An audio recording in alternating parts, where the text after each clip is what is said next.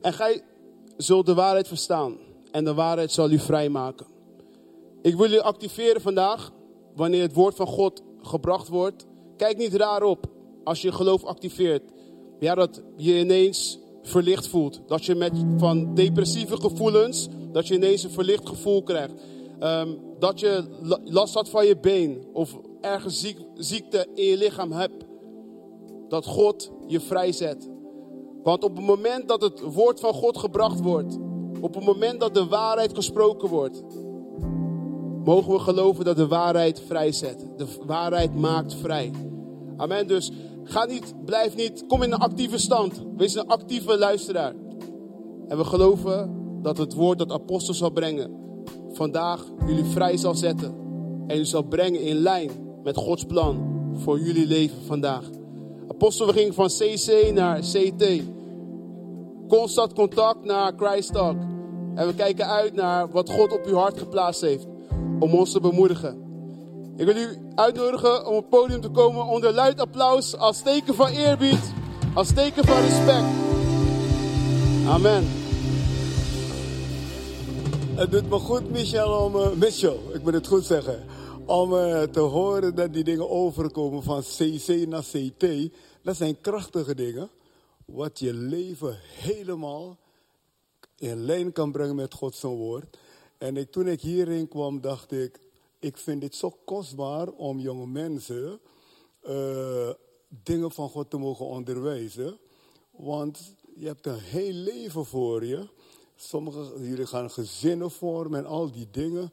Hoe belangrijk is het om de dingen van God dan te weten? Het klinkt zo simpel, CC, CT, maar dat draait alles om. Daar zijn dingen ook fout gegaan in het paradijs. Hè? Ze hebben CT laten liggen. In het, je vindt het in de hele Bijbel, hè? Omdat Christ talk uh, onderschat is geworden in het paradijs, heeft deze lieve Heer van ons zo'n vreselijke prijs moeten betalen. Ja, het is pijnlijk om te zeggen, maar ze hebben geweigerd naar CT te luisteren.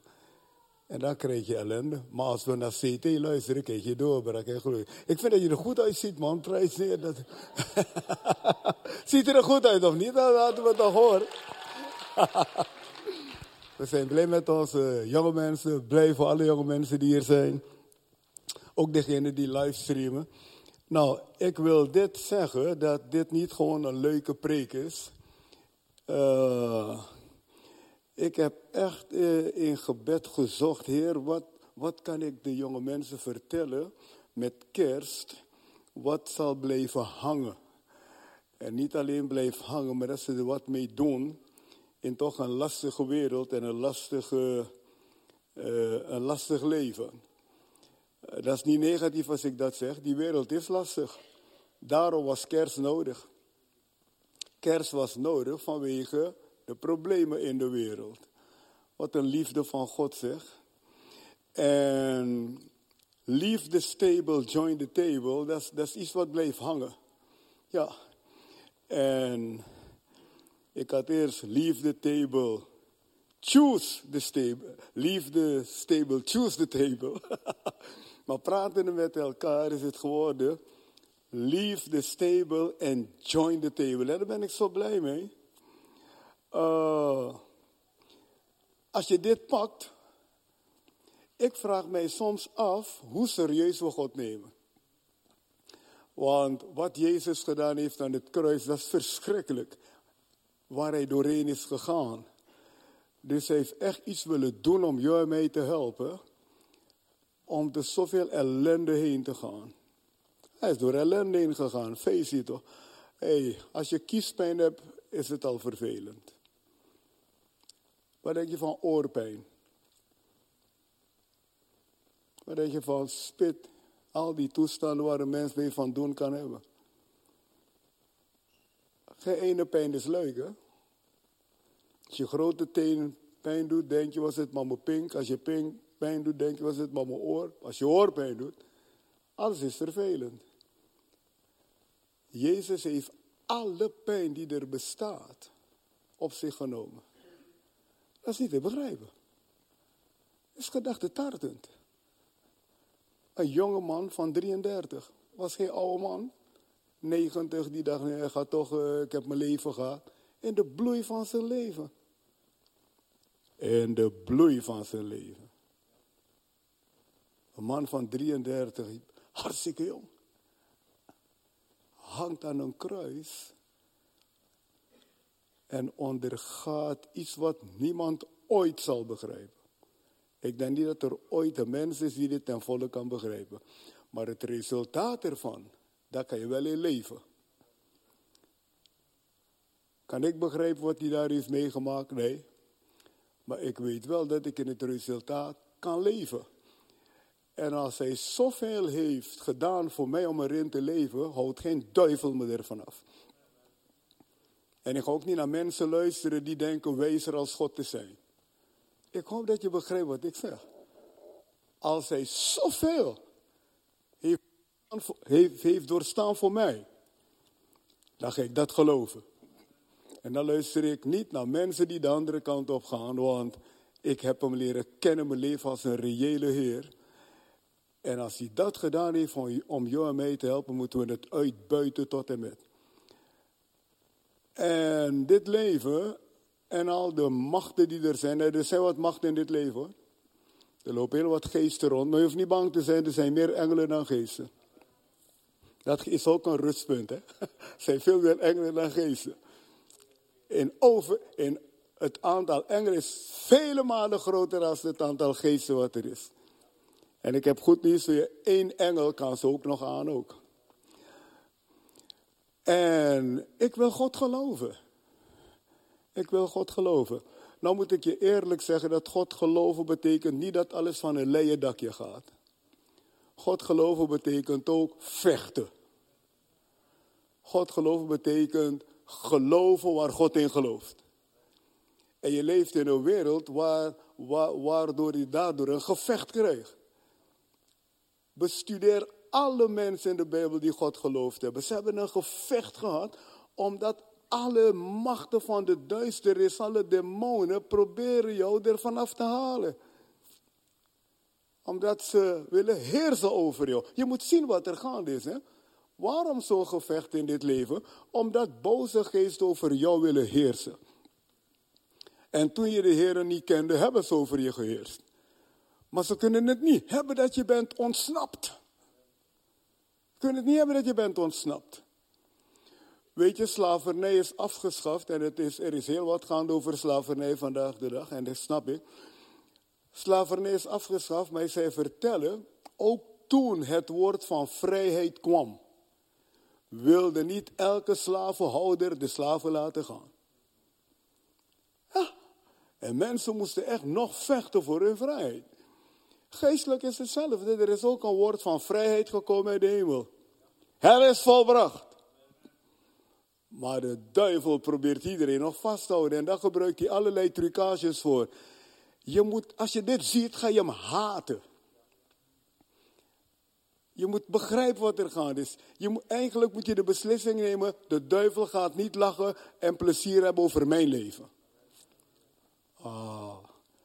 Eh, zo, zo, kijk ik ernaar. Hè? Want uiteindelijk wil hij feest vieren over mijn leven. Door me gekke en rare dingen te laten doen. Door me mijn eigen weg te laten gaan. Maar dat plezier gun ik hem niet. Ik weiger. Want ik heb God in mij. Als je niet die houding hebt, pakken heel wat dingen jou. Je moet gaan begrijpen waar je mee bezig bent. Weet je wie wist waar hij mee bezig was? Jezus. In het Zemane heeft hij het erg moeilijk, maar hij weet waar hij mee bezig is, dus hij gaat door. Hij wist het. Hij hangt aan het kruis, op, ze lachen hem uit. Hoor de kampioen praten. Vader, vergeef het ze, want ze weten niet wat ze doen. Hij ziet hun nood, ze weten niet wat ze doen. Daarom, daarom heeft hij ze vergeven, hij zag hun nood. Ze weten niet wat ze doen. En heel wat mensen in dit leven weten niet wat ze doen. Maar Jezus heeft voor jou en voor mij de prijs betaald dat we wel zullen weten wat we moeten doen om de levende God te dienen. Oké, leave the stable, join the table. Verlaat de stal en kom aan tafel zitten. Er is een wet van first mention in de Bijbel. Een wet van first mention. Dat betekent, Bijbelleraren zijn het hierover eens.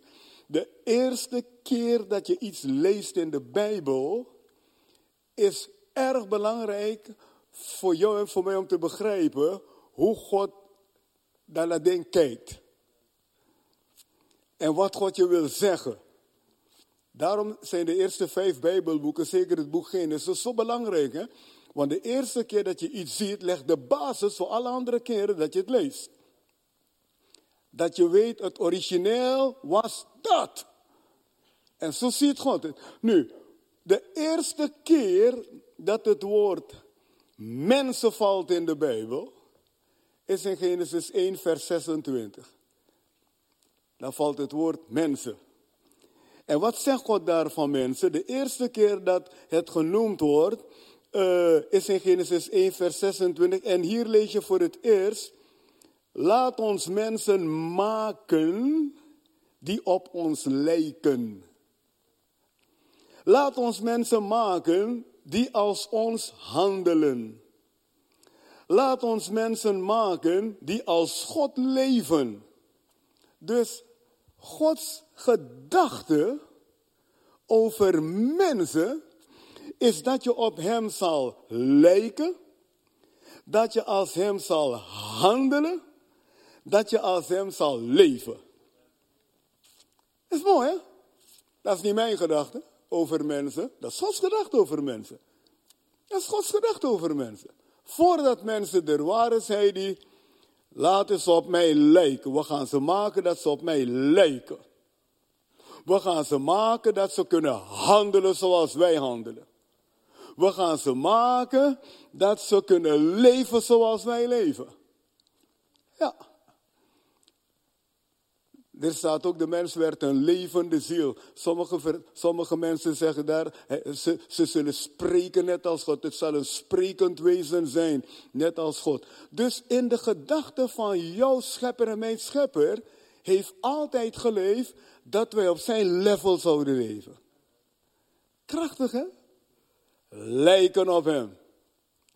Praten als hem. Wow, leven als hem. Dat is geweldig. En dat kan alleen als je met hem omgaat.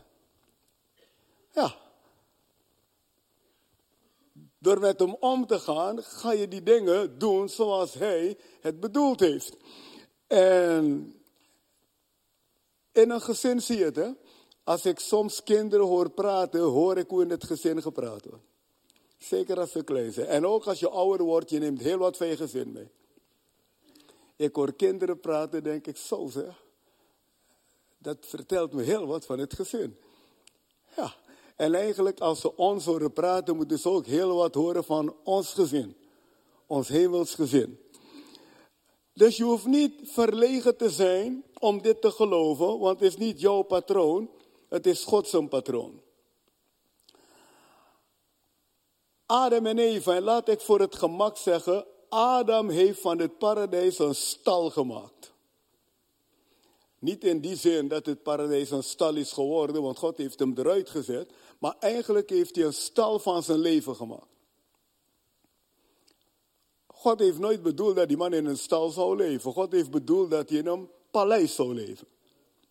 Het paradijs was een paleis. In het paradijs was Gods tegenwoordigheid. In het paradijs was alles wat een mens heel hard nodig heeft. En hij heeft een puinhoop ervan gemaakt. Eigenlijk heeft hij een ghetto ervan gemaakt. Ja. Ik ben in Zuid-Afrika geweest en je kan, als je in sommige buurten leekt, rijdt, heel wat ghetto's. Heel wat ghetto's. En als je er niet geweest bent, kan je geen voorstelling van maken. Maar ik ben erin geweest. Ik heb daar rondgelopen met mensen. En wat ik gezien heb, kan ik niet navertellen. Ik kan niet navertellen wat ik daar gezien heb. Ik kan bijna niet begrijpen dat het bestaat. En ik ga niet eens dingen beschrijven wat ik gezien heb daar. Maar ik weet wel dat ik daar wegliep en dat ik dacht, wat is er hier op aarde gaande? tegelijkertijd begreep ik ook hoe bevoorrecht ik was met wat ik heb. Maar het is niet één ghetto. Het zijn hele wijken, hele steden. Ik denk niet dat jij daar wil wonen. De mensen die daarin wonen, willen eigenlijk ook eruit. Alleen ze kunnen niet altijd eruit. Maar eigenlijk willen ze eruit, want het is niet leuk, het is niet aangenaam. Ik heb daar gelopen. Ik heb dingen gezien. Als ik te langer over praat, ga ik bijna janken en huilen. Maar Adam heeft van het paleis, paradijs, paleis, heeft hij een ghetto gemaakt. Hij heeft zichzelf in ellende gebracht wat God nooit bedoeld heeft voor hem. En eigenlijk is Jezus geboren als de laatste Adam in een stal om ons te laten zien dat God komt in je ellende om je eruit te halen. Jezus is geboren als de laatste Adam in een stal. En het doel was, want dat is kerstfeest, het doel was om je weer een paradijs te geven. Kan je dat geloven vanavond? Dat moet je willen accepteren. Niks meer, niks minder. Hij is geboren in een stal, wat eigenlijk niet normaal was, ook in die dagen niet. Ja, ik bedoel, dat was eigenlijk, omdat er niks anders was, is hij daar geboren. Is niet geweldig? Maar hij is daar geboren om mensen, God heeft dat bewust laten gebeuren. Want God, had hem ook kunnen laten geboren worden in een paleis hoor. Mozes was in een paleis terechtgekomen.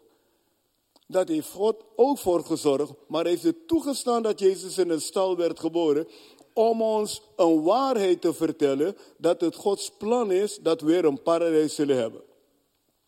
God wil dat we weer in het gezin aan tafel zitten met de Heer. Aan tafel zitten met je Heer. dat, is de plan van God. Uh, ja, mijn, vader heeft me opgevoed. En we waren, ja, waren rijk, nee. Ik kan gewoon zeggen, waren arm. Lijkt het gewoon zeggen, waren arm. En uh, daar kan ik niet op ingaan verder, maar ik kan je vertellen dat armoede niet leuk is. Armoede is echt niet leuk. Maar goed, ik had een paar vrienden en eentje, en sommigen, hun vader was bankdirecteur. En ik weet dat er een keertje was dat ik uh, weer bij hun thuis was. En, uh, en die moeder en die vader zeiden, Edgar mag mee eten. Ik zei, vertel ik had nog nooit aan zo'n tafel gezeten in mijn leven.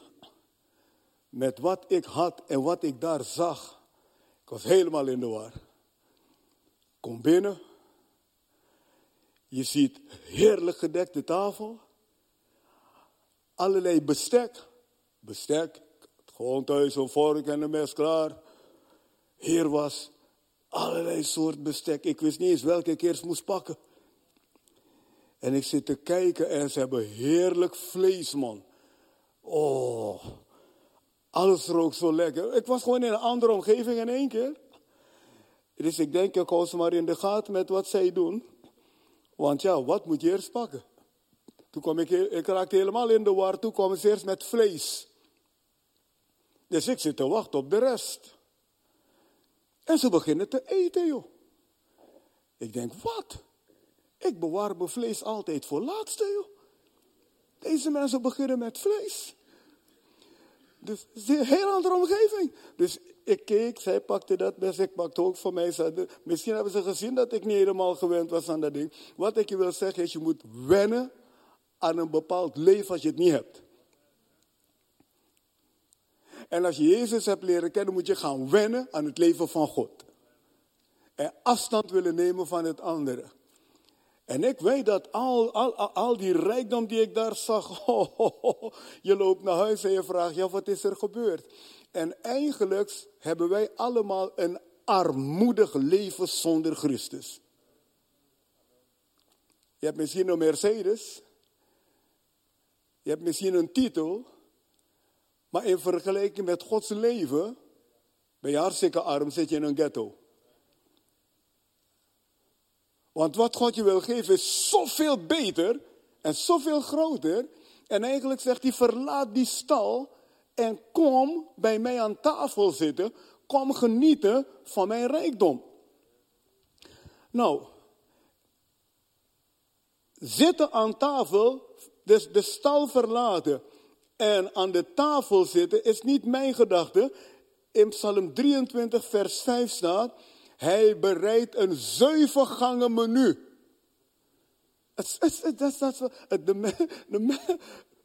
Dat, dat is wat mijn probleem was, een zeven gangen menu in één keer. Hè?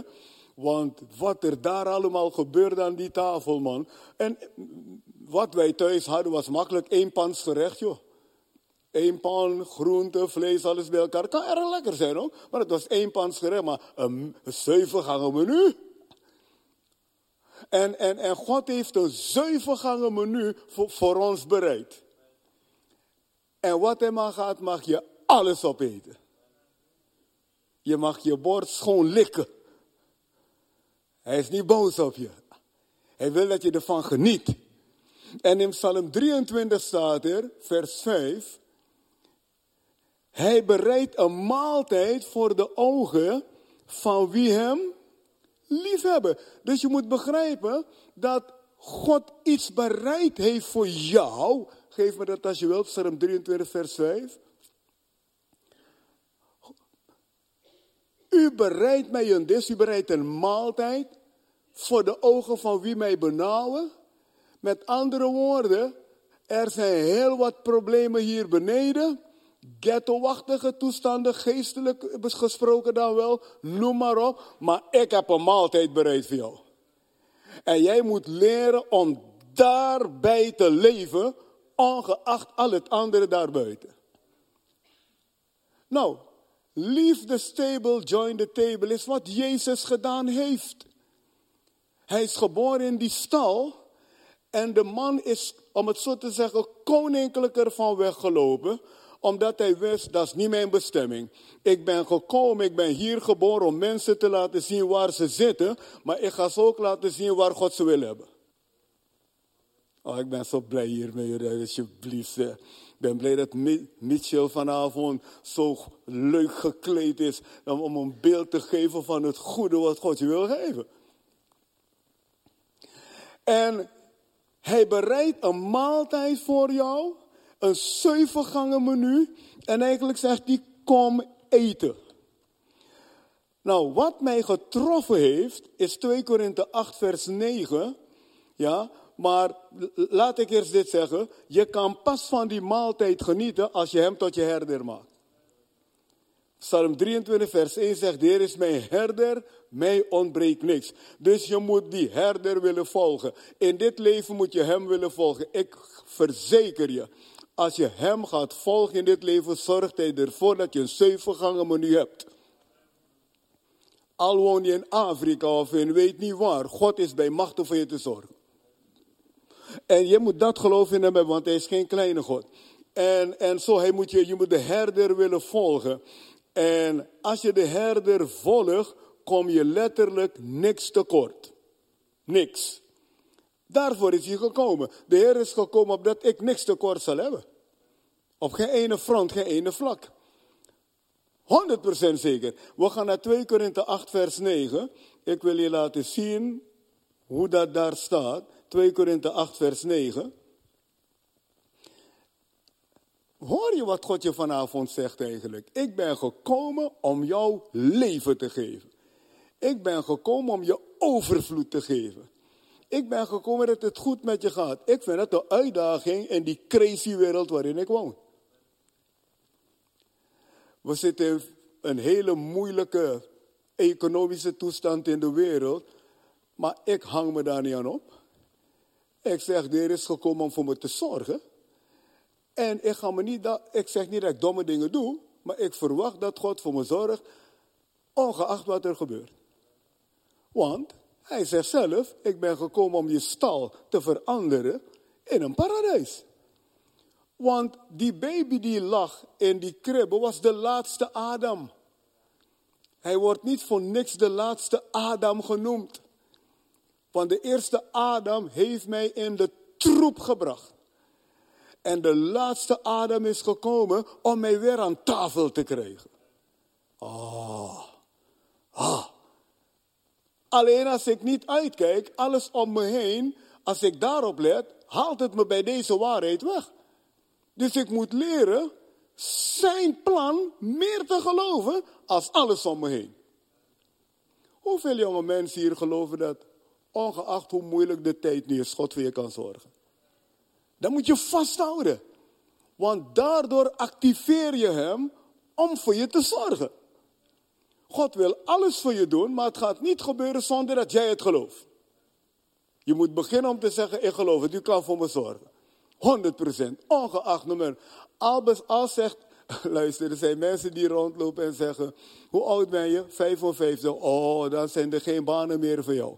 En heel wat mensen slikken het, hè. Heel wat mensen als rond 55 zijn, willen bijna niet meer solliciteren, want het is moeilijk wat te krijgen. Maar ik heb gelovigen gezien die 60 waren en geloofden voor een baan en ze kregen nog een mooie baan ook. Is net wat je gelooft.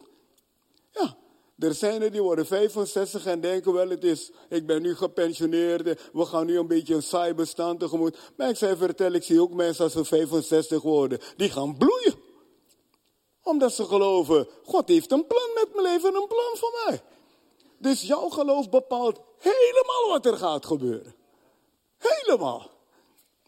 Iemand heeft gezegd, de gedachte die jou het meeste domineert, bepaalt hoe je leven is. Je gaat de richting van je denken. Onthoud dat goed. Je gaat altijd de richting van je denken. Daarom staat er, zegt Romeinen 12, vers 2, wordt er vorm door de vernieuwing van je denken. Jouw denken brengt je ergens naartoe. Of in een stal, of in een paleis. Ah ja. Jouw, breng, jouw denken houdt je in de stal, of haalt je de stal weg. En Jezus, zijn denken en zijn geloof, heeft hem uit de stal gehaald. Hij heeft niet geleefd als een man die in een stal is geboren. Ik hoor later dat hij een huis had. In de Bijbel wordt over het huis van Jezus gepraat. Later een huis. Dus kennelijk is hij toch bij die stal weggegaan. En jij en ik moeten ook geloof hebben om niet te blijven in wat voor gekke toestand je ook bent. Kerstfeest betekent Jezus is gekomen om je eruit te krijgen om aan tafel, dat is geen theorie, om aan tafel met God te zitten, je denken te organiseren en te laten zien dat dat ding werkt. Isaac heeft laten zien dat geloof werkt. In een tijd van hongersnood heeft hij gezaaid en heeft heel wat geoogst. Nou, jij en ik kunnen mensen laten zien, ongeacht de moeilijke tijd waarin we leven, dat je niet gedeprimeerd rondloopt. Dat je niet rondloopt met een burn-out en al die toestanden. Maar dat je blij rondloopt. Want je bent bij de stal weggelopen gelopen en je zit aan tafel bij Hemelse Vader. En dat zien mensen, ze zien het. Je omgeving ziet het, want ze zien wat er gaande is. En wat heeft met jouw geloof te maken? Als jij God niet gelooft om voor je te zorgen, gaat het niet werken. Weet je wie dat ook heeft geloofd? Mozes. Mozes heeft geloofd, God gaat voor ons zorgen in de woestijn. God stuurde hem richting woestijn. Hij had kunnen zeggen, u denkt dat ik gek ben. U heeft me gestuurd om ze te bevrijden uit Egypte. Die route is veel sneller naar het beloofde land. Want er was een snellere route, vertellen mensen mij, naar het beloofde land. God heeft de lastige route gepakt. Ook met een reden hoor, dat ze niet terug konden. Maar God heeft de lastige route gepakt. Nou, ik had me goed voor kunnen stellen dat Mozes gezegd had: Heer, u bent almachtig, dat weet ik. Maar u denkt toch niet dat ik gek ben? Met 2 miljoen mensen in de woestijn. Dat is gekke werk. Loco. Loco. Jonge mensen vandaag zullen zeggen, dat is Yusu gek.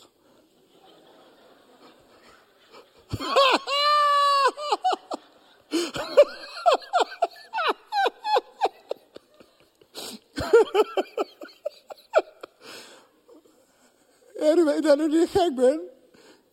Maar hij heeft God geloofd. En God heeft voor ze gezorgd in de woestijn.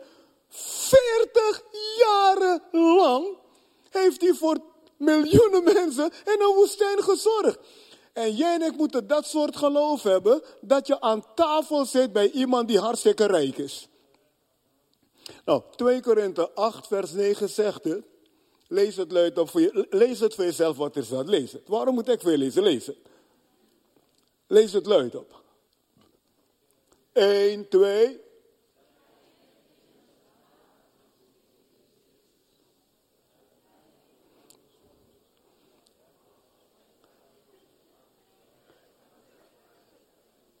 Over wie wordt gesproken? Wie zegt hier wordt over mij gesproken? Zwijs met Jan. Wie je buurman Ik ga, het, ik ga het lezen voor de livestreamers. Je kent immers de genade van onze Heer Jezus Christus. Dat Hij om jou, voor jou, arm is geworden. Terwijl Hij rijk was. Opdat jij door zijn armoede rijk zou worden. Wil je, wil, kijk, kijk, kijk iemand aan en zegt, weet je dat hij over jou praat?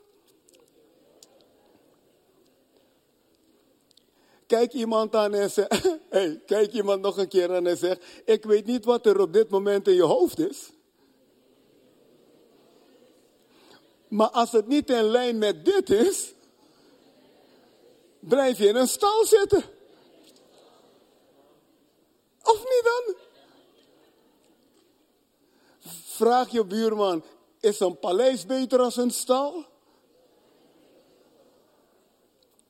Zeg wel, God heeft geen stal voor jou, maar een paleis. Zeg, leave the stable. Join the table. Kunnen we God glorie geven, mensen?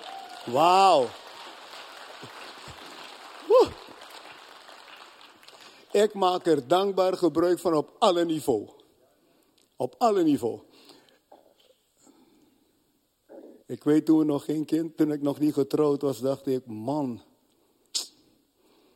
ik ben al 35. Wanneer trouw ik? En als ik getrouwd ben en er komen kinderen, ik heb ook geen zin dat ze op school zeggen, heeft opa je naar school gebracht?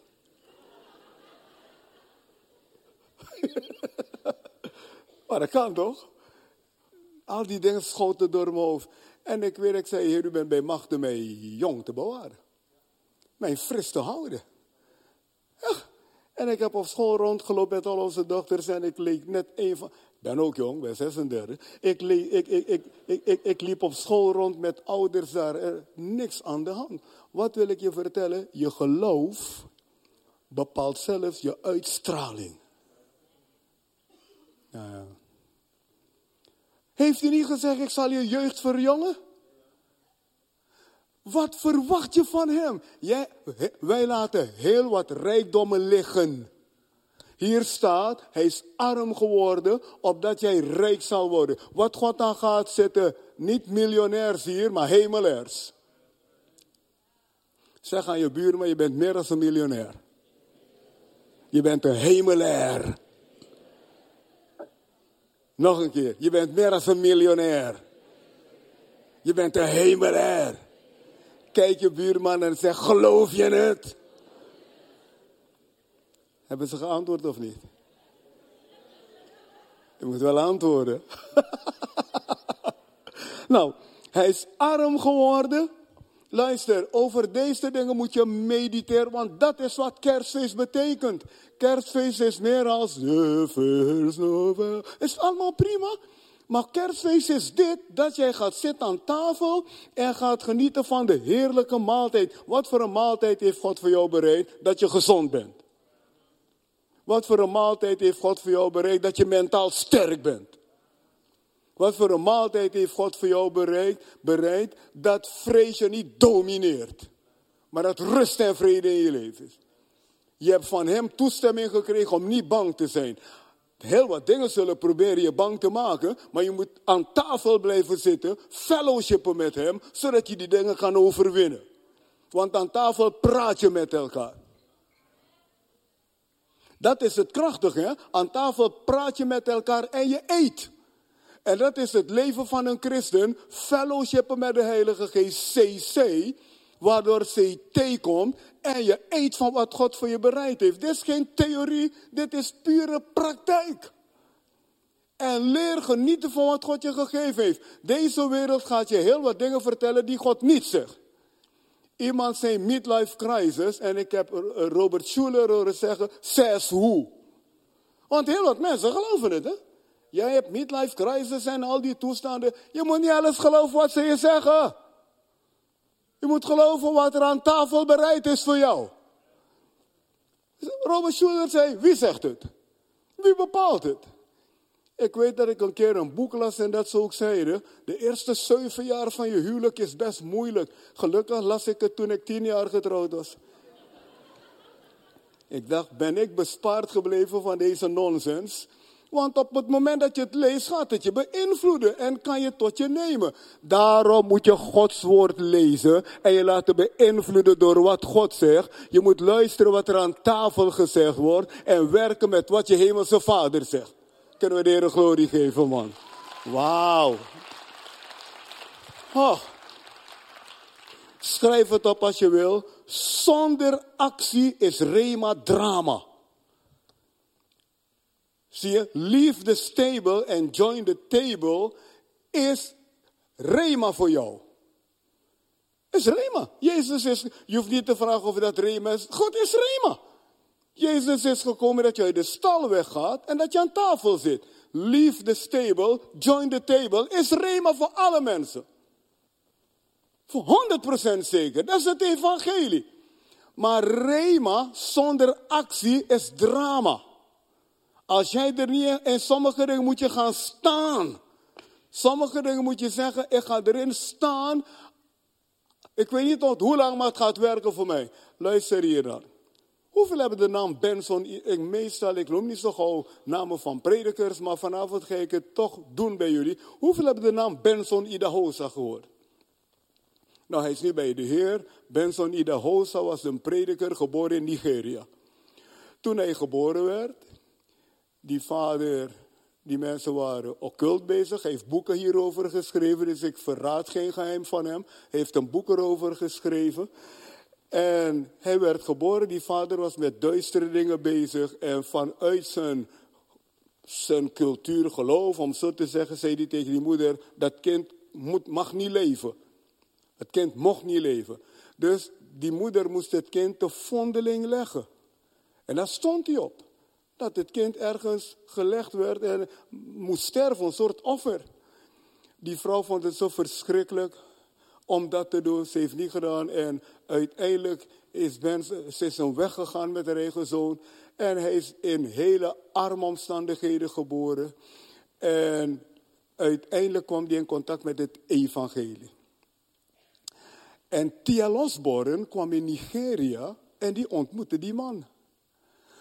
En Benson woonde in een, in een, een, krot, zeg maar. He? Uh, zeg maar een ghetto-wachtig iets. En hij was christen geworden. Hij ging naar de markt met een soort kruiwagen om vracht voor mensen naar huis te brengen, zodat hij een paar eh, centjes kon verdienen om te leven. En Osborne zag dat. En Osborne zegt tegen hem, Benson, je kan hier niet wonen. Je moet voor wat anders gaan geloven. Die man begon hem te inspireren om zijn gedachten te veranderen. Om een lang verhaal kort te maken. Benson is zijn denken gaan trainen. Uit, hij is naar Christ for the Nations gegaan in Amerika. Dat is uh, de Bijbelschool van Gordon Lindsay. En later zijn vrouw Frida Lindsay heeft het overgenomen. En heeft daar geleerd en gestudeerd. En, en Frida Lindsay en Gordon Lindsay hadden een, gebouw daar neergezet, man. Och, met Amerikaanse glamour, rijkdom. En Benson keek ernaar.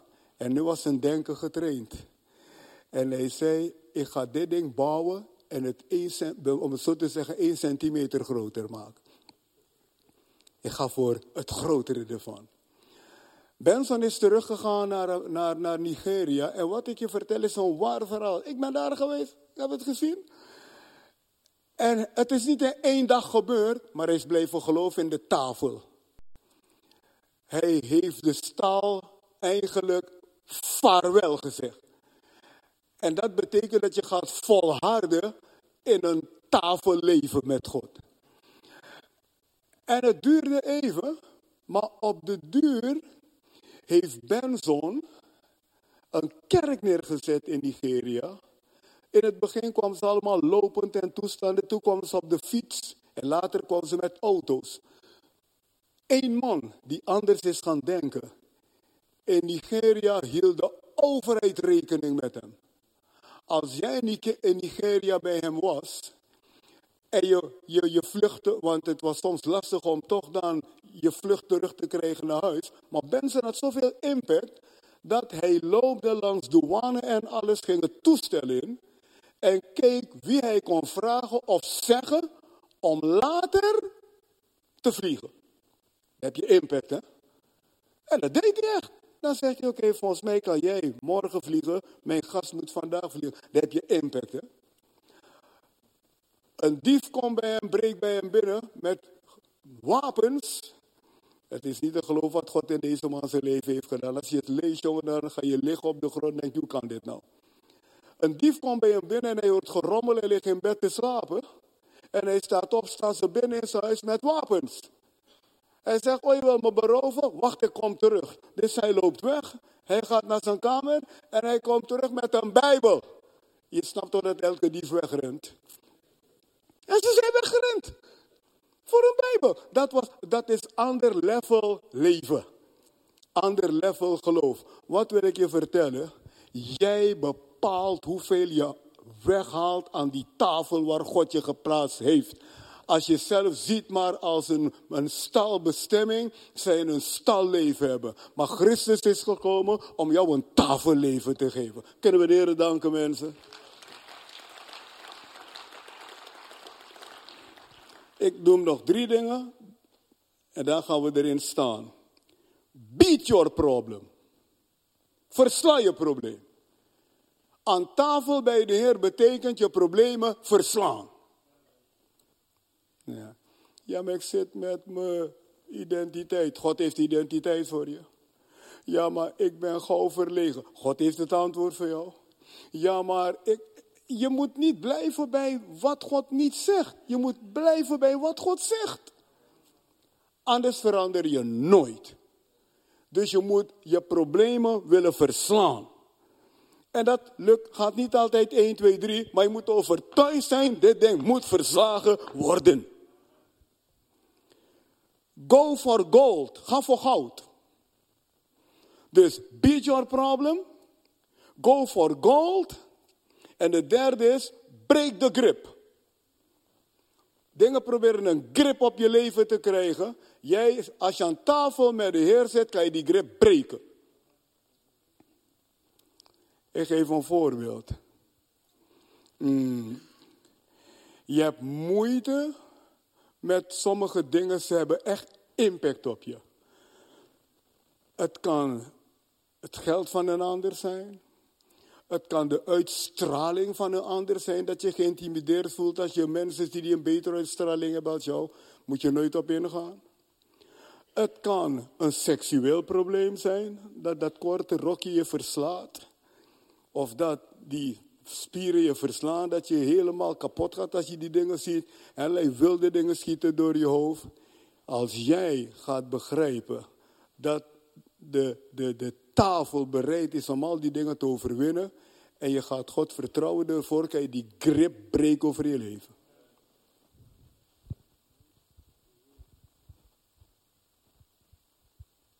En nou denken sommigen, hoe kan dat?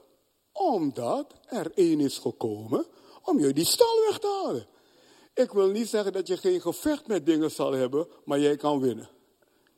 Je zit op school, je bent bekeerd, een hele, je bent een meisje, een hele leuk jongen die niet bekeerd is, probeert je te versieren. De verleiding is groot om ja tegen hem te zeggen. Maar je weet, als ik ja zeg, kan ik in groot gedonder komen. Want in het begin is het allemaal leuk, weet je wel. Ja, geef niet, je mag naar de kerk gaan, prima, ik vind het niet erg. Maar als je eenmaal erin stinkt, krijg je gigantische problemen. Jij kan die grip breken vooraf. Je zegt, dit wil ik niet. Ik ga de weg van de Heer. Ik zit aan tafel met de Heer. Wat ik je vanavond vertel, geldt voor elk ding wat jou wil binden. Elk ding wat jou kapot wil maken. Er is, er is zoveel bloed gevloeid. Vanaf het kruis op Golgotha. Bloed van Gods zoon. Dat jij en ik nooit meer een slaaf hoeven te zijn. We zingen het, hè? No longer a slave. But now a servant. Breek de grip. Zeg tegen je buurman, breek de grip. Beat the problem. Sit at the table. Praat met je hemelse vader. En geloof in totale overwinning. Laat ons hoofden buigen met elkaar. Kerstfeest, zeg. Wauw. Kerstfeest. Wauw. We gaan deze, dit kerstfeest vieren om tafelchristenen te zijn.